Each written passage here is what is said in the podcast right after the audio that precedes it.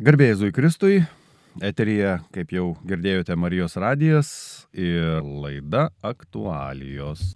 Šiandien naujoje, tiesiog tviskančioje švarumu ir kokybę Marijos radijos studijoje svečiuojasi garbus žmogus, teisininkas, VDU docentas, daktaras Paulius Čerka. Laidą vedu aš Valdas Kilpys. Ir šiandien, Pauliau, mes turim tokią, gan sakyčiau, rimtą užduotį, kuri viena vertus tokia tarsi ir be ribų plati, bet kita vertus, ko gero, mūsų užduotis viena iš tų uždavinių ir bus šiek tiek sukonkretinti. Privalom pakalbėti apie tai, kaip suprast, krikščioniškai reaguoti į aplink vykstančius dalykus, apie krikščioniškai samoningumą.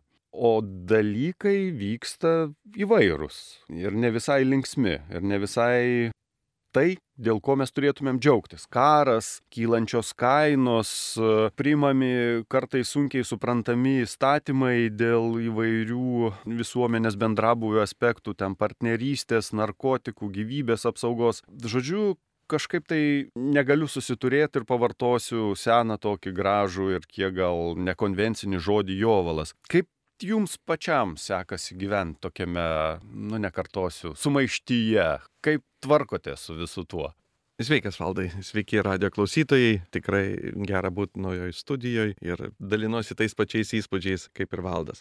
Pabandysiu atsakyti labiau aišku ne kaip mokslininkas, bet kaip tiesiog krikščionis apie samoningumą. Aš manau, kad tai svarbus yra kiekvienam krikščioniui šis klausimas, kiek mes turėtume dalyvauti politiniam tautos gyvenime. Ir kai sakau politiniam, tai nebūtinai politinių partijų, na, politiniam plačiaja prasme, tiesiog visuomeniniam. Ir čia turbūt nieko taikliau nepasakysiu, kaip ankstyvosios krikščionybės vienas iš dokumentų, laiškas Diogenui, kuomet mums dar iki šiandien nežinomas krikščionis rašo savo draugui, pristatydamas krikščionybės esmei sako, krikščionis gyvena savo tėvynėje, bet kaip ateiviai atlieka visas pareigas, bet kaip piliečiai viską pakelia kaip ateiviai. Paklusdami išleisiems įstatymams savo gyvenimu juos pranoksta. Dievas paskyrė jiems šį postą, iš kurio jiems nevalia trauktis. Toks paradoksas reiškia ir pilietis ir ateivis vienu ir tuo pačiu metu. Ir laikai, kad tavo tėvynė yra danguje ir tuo pačiu myli savo tėvynę Lietuvą čia žemėje. Toks pilietis dviejų miestų. Vienu atžvilgiu tarytum ne pilietis, kitu atžvilgiu tikras pilietis. Ir va čia yra tas paradoksalus krikščionio įsileimas į mūsų visuomenę. Iš vienos pusės tarytum žinai, kad tavo tėvynė danguje, bet iš kitos pusės, dėl to, kad tu žinai, kad tavo tėvynė danguje, tau labiau rūpi tai, kaip yra čia. Nes va, tas santykis su artimu ir yra vieta, kur ir pasireiškia mūsų tikėjimas. Todėl tame ir nėra prieštaravimo ir krikščionybė priešinasi tam dviem kraštutinumam - arba visiškam pasitraukimui, arba visiškam pasinerimui. Reiškia, yra toks, sakykime, vidurio kelias arba ir tai, ir tai. Ir reikia sugebėti ir pasitraukti, reikia sugebėti ir įsilieti čia turbūt ir prieštaravimo nėra, nes dažnai galvojama, kad jeigu žmogus tiki, jisai tarytum na, turėtų galbūt pasitraukti nuo valstybės, kuri yra pasaulietinė valstybė. Bet uh, aš prisimenu Platono mintį, lengviau pastatyti miestą ore nei valstybę be Dievo. Čia iš tikrųjų mūsų visuomeniai yra ir skirtingų tikėjimų, ir žmonės, kurie taip pat yra ateistai, ir visi mes turim rasti savo namus ir sugyventi tarpusavyje. Bet kai krikščionis sako, jog jam svarbu yra moralės klausimai arba tikėjimas, tikėjimas Dievu, jis neturi omeny, kad būtinai jo konfesija ar religija yra, turėtų kažkokios išimtinės teisės. Taip, čia konflikto nėra priešingai. Krikščionio tikėjimas skatina jį neužmerkti akių tam, kas vykstama ir įsilieti tiek, kiek jis gali ir ne tik nueiti į rinkimus, bet e, būti tuo aktyviu piliečiu. Ir aktualiam, jeigu šiandien vat, matant karą, kuris vyksta tarp Rusijos ir Ukrainos, yra na, pastebimas vienas dalykas, kad Rusijos visuomenė nepajėgi yra daryti įtakos savo valdžios veiksmams. Ir tai ir yra priežastis, jog savo laiku ji buvo pasyvi savo laiku, kai kažkas tik formavosi, dabartinis režimas, ji leido jam tarpti ir išaukti į tai, kas yra šiandien. Ir šiandien labai sunku yra kažką padaryti, tarytum gal ir per vėlų, sakytume, saliginai per vėlų, bet tai ką galima palinkėti savo, kad visada būti aktyvia visuomenė, visada stebėti, kas vyksta ir savo aktyvumu neleisti užaukti kažkokiems diktatoriškams režimams ar įsigimimams. Manau, paskutinė jūsų mintis - įtakoti savo valstybę yra beproto svarbi, nes Pasakysiu nuoširdžiai, dažnai tenka lankytis Lietuvos provincijoje, Žemaitijoje konkrečiai. Ar nepastebėt, kad jūsų ta išreikšta savoka ar, ar procesas po truputėlį kažkaip tai plinta ir Lietuvoje? Nežinau, provincijos žmonės jaučia, kad valstybės įtakojimo galimybės mašta. Ar pats nejaučia to?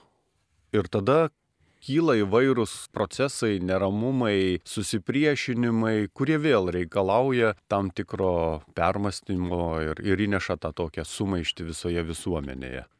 O jeigu dar paprasčiau paklausiu, ar neregite skirties tarp provincijos ir tų didžiųjų miestų didėjimo? Tokio gana iškaus. Aš jaučiu. Pritarčiau, tai yra to negirdėjimo problema kad kažkuria prasme tam tikros grupės, visuomeninės grupės, ypatingai tos, kurios turi įtaką mūsų valstybės gyvenime, pasirodytų per mažai išgirsta kitų mažesnių grupių balsą ir nuomonę. Tai irgi yra blogybė, prieš kurią na, mes kaip sąmoningi krikščionys ir sąmoningi piliečiai turim veikti. Manau, kad mums svarbu įsisamoninti tam tikrą tiesą, kad nebūtina būti politinės partijos nariu, kad galėtum kažką daryti savo visuomeniai. Tas tiesa. Ir socialiniai tikrai tai leidžia įvairius neformalūs susibūrimai, tas pats parapinis gyvenimas gali būti taip pat ir visuomeninio gyvenimo dalis, jis kaip toks ir yra. Tai šiuo atveju ta tokia propaguojama idėja, kad tik politinės partijos ir beje tik tos, kurios yra laimėjusios Seime vietą, turi teisę kalbėti visuomenės svarbiais klausimais yra įdinga nuostata. Pirmiausia, taip tikrai nėra. Antra, mes to neturėtume tikėti bent patys savo ir suprasti, kad nesvarbu, ar mes esam politikai, ar esam politinių partijų dalyviai, visai nesvarbu, mes turim būti aktyvus, girdėti visus ir leisti kalbėti visiems. Ir kažkokiu tai būdu daryti taip, kad įtakoti savo valstybę galėtų ne tik didmešių, bet ir provincijos žmonės. Vienareikšmiškai. Kreipiu kalbą gal į tokį abstraktesnį klausimą. Pauliau, ar nepastebit tiesiog tokį didesnės agresijos kiekį aplinkoje?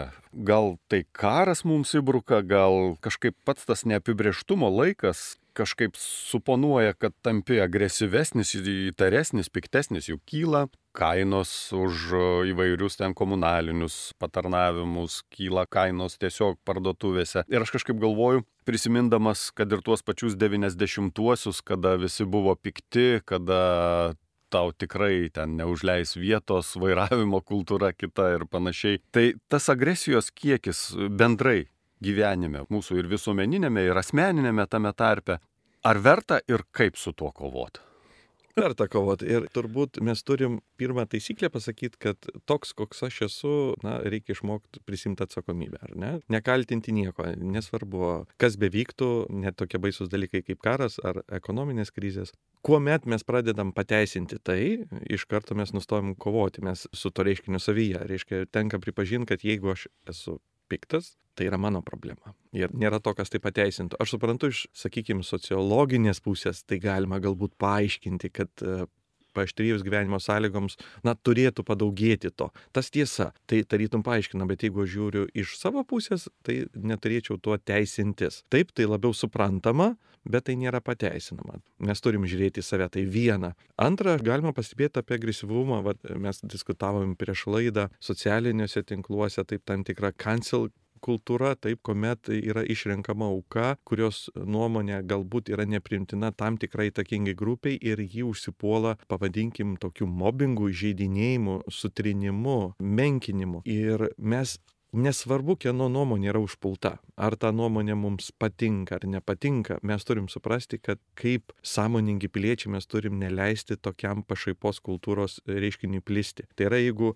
klasės mokiniai šaiposi iš kažko arba iš kvailos nuomonės, net jeigu ta nuomonė iš tikrųjų yra man neprimtina, aš turiu priešintis pačiam reiškiniui, nes vieną dieną tai atsisuks ir prieš mane. Jeigu šiandien šaiposi iš kažko, kas nesu aš, rytoj ateis ir mano eilė, jeigu aš tam nepasipriešinčiau. Ir istorija turi daug pavyzdžių, kuomet kai kada žmonės sako, tai nieko tokio, čia yra galbūt kažkokia kita socialinė grupė ir manęs tai niekada nepalies, tai palies tave. Jeigu tu nesustabdai to prieš kažkurių silpnųjų atžvilgio, nu, ateis ir tavo diena. Tai sakyčiau, tai labai pavojinga tendencija leisti šaipytis arba leisti savo šaipytis iš kažkokio galbūt ir ne visi argumentuoto ar kvailesnio pasisakymo, galbūt, bet tai gali atsisukti labai skaudžiai prieš bet kurį iš mūsų. Tai yra labai pavojinga tendencija ir tai agresyvumas gali pagimdyti labai pavojingus vaisius. Ko gero, tas vienas iš tų vaisių ir yra tas toks perteklinis naudojimasis tais socialiniais tinklais, kada pašaipos kultūra randa platformą, kurioje labai lengvai ir greitai plinta subalansuoti savo gyvenimą yra sudėtinga, ar ne? Mes linkę vieną ar kitą dalyką, galbūt arba į vieną pusę, tai kitą ir iš tikrųjų apie tai reikia visada kalbėti. Dažniausiai vienas kraštutinumas gali pagimdyti kitą, jog žmonės visiškai atsisako tų tinklų. Galbūt tai irgi yra sprendimas arba tam tikras laikinas sprendimas kiekvieno žmogaus asmeniniam gyvenime, gali būti tam tikros nuostatos, bet tai nėra lengva ir nepasinerti ten. Ir kita vertus ir nepasitraukti, ar ne, iš bendravimo, nes socialiniai tinklai leidžia mums palaikyti kontaktus šiuolaikiniam gyvenime su žmonėmis, su kuriais, jei ne jie, kažin ar mes galėtume palaikyti tam tikrą ryšį dėl fizinių, geografinių atstumų ir tam tikro užimtumo. Čia toks, kaip sakyt, amžinas klausimas, ar ne, kur yra tas aukso vidurkis, kad nebūtų ir per mažai, ir ne per daug, bet apie tai visada verta kalbėti ir savo užduoti tą klausimą. Ar aš nesu per daug pasinėręs, ar kita vertus, ar nesu per daug pasitraukęs. Aš galvoju, kad apskritai mūsų šitas pokalbis, ko gero, visas, jeigu taip apibendrinti, dar jo net ne nebaigus ir sukasi apie tą balanso ir to vidurio kelio klausimą.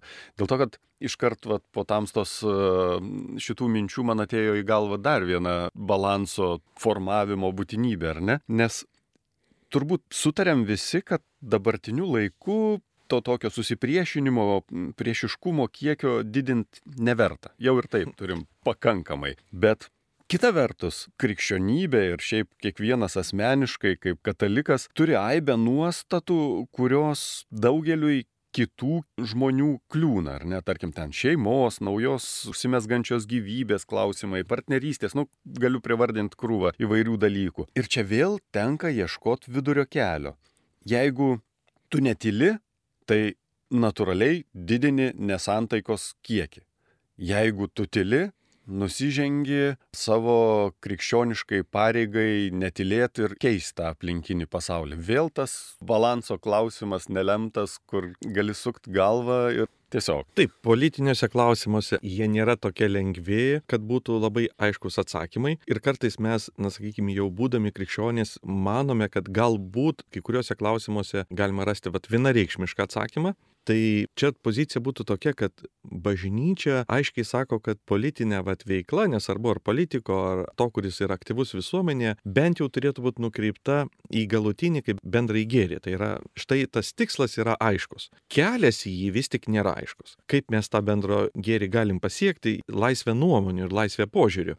Galima būti dešinės orientacijos politiniais arvai ar kairės, tai yra pačio kelio kodėl mes manome, kad viena ar kita tvarka ar mokesčių padidinimas ar sumažinimas, kas labiau pasitarnautų visuomeniai. Na, nėra taip lengva atsakyti, nes padidinus mokesčius galima būtų daugiau surinkti lėšų ir kažką gero įveikti, sumažinus tarytum paskatinti galbūt verslą plėtotis ir vėl būtų gerai. Ir tas ir tas yra ir gerai, ir blogai tuo pačiu metu. Ir tokiu atveju tai yra diskusija dėl kelio, kas labiau pasitarnautų bendram gėriui. Tačiau dėl tikslo mes turėtume turėti tvirtą požiūrį, kad bendrasis gėris turėtų būti moralės sąlygotas na, aktyvaus piliečio tikslas. Nesvarbu jo, sakykime, įsitikinimų klausimas, bet tai yra galutinio tikslo. Tai, tai tuo požiūriu mes jungiamės, būdami krikščionys, kad turim bendrą gėrį kaip bendrą tikslą, bet įsiskiriam dėl kelio į jį. Ir štai čia yra ta erdvė politiniai diskusijai. Ar nėra taip, kad e, dažnas visuomenės veikėjas patį kelią supriešina su tuo bendruoju gėriu. Tai yra kitaip tariant, kelias į bendrąjį gėrį ir tampa pačiu bendruoju gėriu. Tarsi tokios savokų kaita, su, sukeitimas atsiranda. Ta prasme, nu, padidinsim mokesčius ir bus visiems labai gerai. Arba sumažinsim mokesčius ir bus visiems gerai. Kaip padaryti tą skirti? Kas tas bendrasis gėris, ko mes siekiame. Nes aš kartais pajuntu tų dalykų, kad kartais taktiniai dalykai yra sukeičiami su strateginiais dalykais. E, kas tas bendrasis gėris? tai pacituosiu tiesiog visuomeninio gyvenimo sąlygų visuma, leidžianti tiek grupėms, tiek pavieniams nariams geriau ar lengviau pasiekti tobulumą. Tai yra labiau išreikšti save, ar ne? Tai jeigu šeimoje tai būtų paprastai kažkokia tvarka, kaip plaunami indai, paklojamas lovos ir visa kita, ir tai yra visiems geriau, jeigu mes susitvarkom. Taip ir valstybėje yra tam tikra tvarka, tam tikros sąlygos, kad jeigu mes jos laikomės, visiems geriau, kaip gatvėje yra tam tikras taisyklės, ar ne, ir mes jų laikomės ir tada greičiau pravažiuojam. Visi, tarytum tos taisyklės šiek tiek apvaržo, bet dėka tvarkos mums visiems yra geriau, mes pasiekėm savo kelionės tikslą lengviau. Tai šiuo atveju, kaip sakyčiau, laisvė diskutuoti dėl priemonių irgi yra gėris, nes tai leidžia mums išgirsti vienas kitą. Bet kuomet pats objektas yra keičiamas ir sakoma, kad nėra to bendro gėrio, nėra jokios tiesos, tai duoto atveju aš tai požiūrį ne, nepritarčiau. Nėra aiškus kelias į jį, bet ne pats objektas. Manyčiau, kad objektas yra mums turi būti aiškus. Čia jau yra pasaulyje žiūrinis klausimas. Taip, vis populiarėja nuostata, kad tiesa yra relatyvi. relatyvi. Ir nėra absoliučiai jokių tiesų. Bet paradoksalu, žmogus, kuris teigia, kad nėra absoliučiai jokių tiesų, bent jau vieną teigia, sakydamas, kad jokių tiesų nėra. Ir tokiu būdu jis tarytum ir paneigia savo prieš tai pasakytą teiginį. Toks kraštutinis relativizmas, jis tiesiog logiškai yra save neigiantis, nes jis vis tik turi tam tikrų teiginių, kuriais jis pats tiki ir siūlo kitiems juos priimti, Ir kadangi jau yra teiginiai, tai mes vis tik grįžtam prie to, kad kažką galima pasakyti apie tikrovę. Ir tuo atveju turim pripažinti, kad bent jau vienas teiginys arba viena tiesa egzistuoja, jeigu egzistuoja bent vienas, tai negalima sakyti, kad jokių tiesų nėra. Čia prisiminiau, kaip panašiai kokių nors radikalesnių ateistų teiginiai, kad aš nieko netikiu, bet tai nu, irgi panašus paradoksas gaunasi, kad tu tiki, kad nieko nėra, vis tiek tiki. nu, kažkuria prasme taip, taip. Tikėjimo elementas išlieka. taip. Ar nėra taip, čia bandau daryti hipotezę, kad e, gyvenam laiku, kada ir mūsų pokalbis tam tikrą prasme mes bandom kažką įtikint, surast kažkokį racionalų minties grūdą, bet ar nėra taip, kad gyvenam laikotarpiu, kada žmonių įtikint kažkokiamis deklaracijomis nebeįmanoma ir lieka tik vienintelis kelias įtikint juos savo darbais, kitaip tariant, pačiu gyvenimu, nes lengviau yra mano galva skelbti Evangeliją, gerąją naujieną tada, kada sakai, va, žiūrėk, aš va gyvenu šitaip, esu saliginai laimingas ir man šitie laikai, va, tas jovalas yra nebaisus. Ir visai kita galimybė yra, kada tu sakai, O vaikai, ne, čia blogai, darykit šitaip, mokai kitus gyvent, pamokslauji ir ar neužsimame čia bergždžių dalykų. Ne, yra vieta matyti ir žodžiams, tiesiog darbai kalba garsiau už juos. Tai turbūt gal dirbtinai labai supriešinti to nereiktų, nes žodžiais mes galim kažką paaiškinti, tačiau jeigu mūsų žodžiai prasilinkia su darbais, tai jų tikrai niekas negali girdėti. Tas yra aišku. Ir stebint, sakykime, šeimos gyvenimą ir vaikų auklėjimą, labai akivaizdu tampa, kad vaikai pirmiausia kopijuoja savo tėvų darbus, elgseną. Daug labiau negu instrukcijas. Ypatingai tas, kurios nu, nedėra, ar ne, jeigu jie mato, kad jų tėvai kažko prašo iš jų, bet patys taip nedaro, tai tokia kognityvinis kažkoks rezonansas įvyksta ir vis tik vaikas seka elgseną, o ne žodžiu. Tai universalu. Taip taikytina politikui, kuris kažką nori pasakyti visuomeniai, bet vėliau paaiškėja, kad savo gyvenime e, nesivadovauja tais standartais. Dvasininkui, kuris nori pamokyti per pamokslą, bet e, paaiškėja, kad pats neseka juo. Na, tokie žodžiai yra bejėgiai. Bet iš kitos pusės e, tų žmonių žodžiai, kurie iš tikrųjų gyvena, jie daro mums įtaką kai mes sužinom, kad iš tikrųjų tas žmogus gyvena tom vertybėm, apie kurias jis aiškina, tai tie žodžiai yra sunkus, jie mus keičia. Nes galbūt tu pažįsti jį, matai jo gyvenimą ir tada yra visai kas kita. Tai žodžiai turi vietos. Mes turim šventą įraštą, kuris yra žodžiai, bet visada už jo stovi žmonės, kurie gyveno tai žodžiais. Ir dėl to mes taip gerbėme jį, žiūrime labai rimtai, nes už to stovi ne tik šventas žodis, bet ir šventi žmonės. Galiu tik pantrinti dėl vaikų čia patvirausiu. Turiu dukras, kurios niekada sportuoti nenorėjo, bet matydamos, kaip mes nuolat sportuojam, dabar jau vyresnioji pati, baseiną lanko ir panašiai. Ir neveltui psichologai sako, kad vaikas, nežiūrint to, kad aplinka bus skirtinga, jis vis tiek pasirinks tą elgastį, kurią regės savo tėvuose. Ir kažkaip man labai miela ir šilta širdį suprast, kad praktiškai šitas visas reikalas.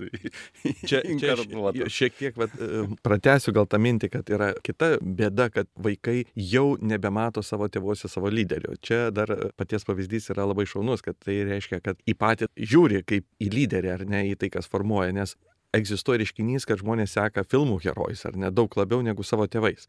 Tai yra tėvai, kurie nėra tokie herojiški, tokie charizmatiški, kurių gyvenimas yra matomas čia ir dabar. Vaikui tampa nebe pavyzdžių, o pavyzdys yra pasakų herojai, kurie netikri, nors be abejonės herojiški. Ir tai jau yra problema. Reiškia, vaikas nesugeba atskirti tikrovės, tikro herojaus jo gyvenime nuo, nuo tokio visiškai virtualaus, išgalvoto. Aš galvoju, čia tamstos mintis apie lyderystę turbūt verta gal ir šiek tiek platesnio pasvarstymo. Žvelgiant ir bendrai į visuomenės gyvenimą, tai ir tuos pačius politikus, kurie tarsi turėtų būti visuomeniniai lyderiai. Tos lyderystės tarsi ir stiktų ir tada natūraliai ir pati visuomenė turbūt turėtų sekti savo politiniais, visuomeniniais, kažkokiais kitokio pobūdžio lyderiais. Kaip juos surasti, kaip apskritai galima būtų ugdyti juos, juk visuotinai tarsi ir sutarėma, net ir globalių mastų, kad stinga naujų Thatcher, Reiganų, Čerčilių, galima vardintų politikų visas krūvas, o yra tokie, nu, makroniukai sunku įvertinti to žmonės, pasaulinius, sakykime, politikus, bet iš ties norisi stiprių asmenybių. Jeigu būtų kažkoks lengvas receptas, mes pasigamintų lyderių. Greičiau jų stoką fiksuojam, na, o receptas nėra jis man toks akivaizdus, bet turbūt pati bendruomenė, jinai taip pat juos ir gimdo. Pavadinkim taip, gal pavyzdys būtų mums labiau suprantamas su krepšinio mokykla. Lietuvoje mes turim visą eilę puikių krepšininkų. Bet iš kur jie atsiranda? Ar jie atsiranda lygioje vietoje? Jie atsiranda, kai yra stipri krepšinio mokykla. Vis tik turi būti gera mokykla, geri treneriai ir tada iš tų daugelio berniukų, vaikinų, kurie patenka šią mokyklą, staiga yra atrandami šie deimantai ir perlai, kurie išauga į pasaulinio lygio sporto žvaigždės. Kaip jos atsiranda? Jos atsiranda esant gerai mokyklai. Taigi mums reiktų koncentruotis kažkuria prasme į gerą politinę mokyklą, visuomeninę mokyklą ir toje bendruomenėje užauks ir tie lyderiai. Tiesiog tam reikalinga kažkokia tai veikianti sistema. Taip. Ir čia turbūt tarytum šeima visuomeninė, ar ne, bendruomenė. Ir joje anksčiau ir vėliau kažkas subręs, išauks. Potencialiai galbūt toks lyderis ir yra, bet dar jam reikia terpės, kad jis subręstų, kaip tu pats pininiai, į, į tečerį, į reiganą, į kažką, į čerčelį, ar ne, į tokius, kurių vėliau mes ir praėjus dešimtmečiams kalbas minėsime ir jų darbai bus sunkus, ar ne, o nelengvi lyginant su jų žodžiais. Be abejo, ne šitos laidos tema apie apskritai visą švietimo sistemą Lietuvos, bet regis stokojam dar tos geros infrastruktūros lyderystės ūkdymo. Prisiminiau savo amžinatilsi senelio žodžius ir čia tarsi vėl apeliuoju į tuos neramius dabarties laikus. Jisai sakydavo, karas viską sustato į savo vietas. Arba dar kitas išsireiškimas, vaikai jūs nematėt karo. Tarsi karas savaime viską surikiuojantis į tuos narvelius, kurie yra reikalingi gyventi tokiam pilnavertiškesniam gyvenimui mes Lietuvoje šiuo metu gyvenam greta karo. Ir daugelis bijo, daugelis nuogastauja dėl įvairių galimybių negerų, bet Dievas, mano akimis, vis tiek lieka kažkur nuo šalyje. Tarsi ir baisu, tarsi ir neramu. Kas čia vyksta? Ką, rimtai reikia karo, kad suprastume tikėjimo svarbą? Ne, turbūt žodis, vat, ar jis yra būtinas, toks labai filosofinis klausimas, bet pritarčiau paties senelio minčiai, jog patirtis, kuri pa žmogų susiformuoja karo metu, jį neatsiranda matyti kitaip. Ir teoriškai mes e, daug ką žinome apie karą, bet e, tai, ką žmogus patiria, na, neprilyksta mūsų samprotavimams ar įsivaizdavimams. Man įstrigo vienos pabėgėlės iš Ukrainos dar 14 metų atvykus į Lietuvą pasidalinimas, jį pasakė, aš supratau du dalykus prasidėjus karinė veiksmams. Kad karas atėjo, nors aš niekada negalvojau, kad jis gali ateiti, ir antra, jis yra baisesnis nei įsivaizdavau. Tai šiuo atveju tos tiesos visada bus, karas yra visada baisesnis, ant kiek mes jį įsivaizduotume, kiek mes galvotume, kad jis yra baisus, realiai jis yra dar baisesnis ir jis yra netikėtas. Niekada pilnai nebusi pasiruošęs tam, koks jis yra iš tikrųjų. Aš tam tikrą irgi refleksiją matau, vad šiuo metu galbūt iš tos krikščioniško požiūrio pasidalinčiau, kad viena vertus mus džiugina geros naujienos iš Ukrainos fronto ir tai yra gerai, mes matome pergalės Ukrainos armijos, tai mane džiugina. Tačiau aš pastebiu ir savyje tam tikrą dalyką, žiūrėdamas tos pranešimus arba trumpus filmukus e, socialinės medijose tinkluose, pastebiu savyje, kad mano akise tarytum žmogaus gyvybė pradeda nuvertėti. Aš nebepastebiu, kad tai yra mirę žmonės, bet tiesiog abstraktus reiškiniai kažkas kito negu žmogus, nužmoginti veikia ir tai nėra gerai. Mes visada turim žiūrėti į bet kurią mirtį su tam tikru šoku, su tam tikru liūdėsiu, su tam tikru nerimu ir jis niekada neturi nei išnykti. Ir jeigu mumise atsiranda toks reagavimas į mirtį, kaip į kažką įprasto grojant linksmai muzikai, tai nėra gerai. Viena vertus mus džiugina armijos pasiekimai, tai yra normalu, bet mes turime taip pat savyje atrasti gyvybės vertės išlaikymą, nenupiginimą, kad nepasiduotume va, tai nuotaikai, tarytum žmonės yra tik mėsa. Arba žmonės yra galbūt tik kažkokie gyvūnai ar kažkaip. Tai yra pavojinga. Tai va, tai saugokime savo požiūrį. Reiškia, nepasiduokim tokiai va idėjai nupiginimo. Ir aš galvoju, kad čia turbūt labai puikiai tema pasvarstymui, jau einant į laidos pabaigą, nes laikas jau šiek tiek spaudžia. Galbūt klausiu tada ir asmeniškai jūsų, kaip Pauliaus, kaip žmogaus, e, kuris daro tam tikrus darbus, turi tam tikras gyvenimo atsakomybės. Ir klausiu bendresnė prasme. Juk ką jūs dabar čia pasakėte, iš tikrųjų yra tarsi nuolat mus spaudžianti būtinybė nusivalyti tuos mūsų dvasinių jutiklių, tą tokį patiną, dulkes apsivalyti ar panašiai. Minėjot tą žiūrėjimą į mirtis, galima būtų pateikti ir kitų pavyzdžių. Kaip nepaukt, kaip padaryti taip, kad tie mūsų dvasiniai jutikliai nebūtų apsivėlę tą patiną. Ir čia galbūt toks ir paskutinis klausimas ta užduotis, matai, kuri pats iškėlė, yra labai na, rimta ir turbūt va, vieno paprasto veiksmo irgi nebus. Ir aš savim irgi nesu patenkintas, daryčiau, aš mokėčiau tai daryti, ar ne? Dabar net ir klausytojams kažką turėčiau patart. Kažkokiu paprastu patarimu, labai lengvų čia irgi nėra, reikia nuolat kažkaip žiūrėti į save kritiškai. Na, pasakyčiau, dalyvauti bendruomeniniam gyvenime, leisti kitam pakritikuoti save, paklausyti kitų protingų žmonių kritikos ir turbūt tokie būtų patarimai, bet tikrai tai nėra išsami analizė šitam iššūkiai, kurį pats iškėlėjai. Taigi, nėra lengvų sprendimų ir tai mūsų pokalbis dar kartą įrodė. Laida jau visai atėjo į pabaigą. Tai Pauliau, dėkodamas Jums už apsilankymą Marijos radijos studijoje, dar kartą mėlyms klausytojams primenu, kad e, viešėjo teisininkas VDU docentas Paulius Čerka, aš Valdas Kilpys, vedžiau šią laidą ir tiesiog linkiu turėti visada blizgančius dvasinius juotiklius. Ačiū už kvietimą, ačiū klausytojams, iki kitų susitikimų. Su Dievu.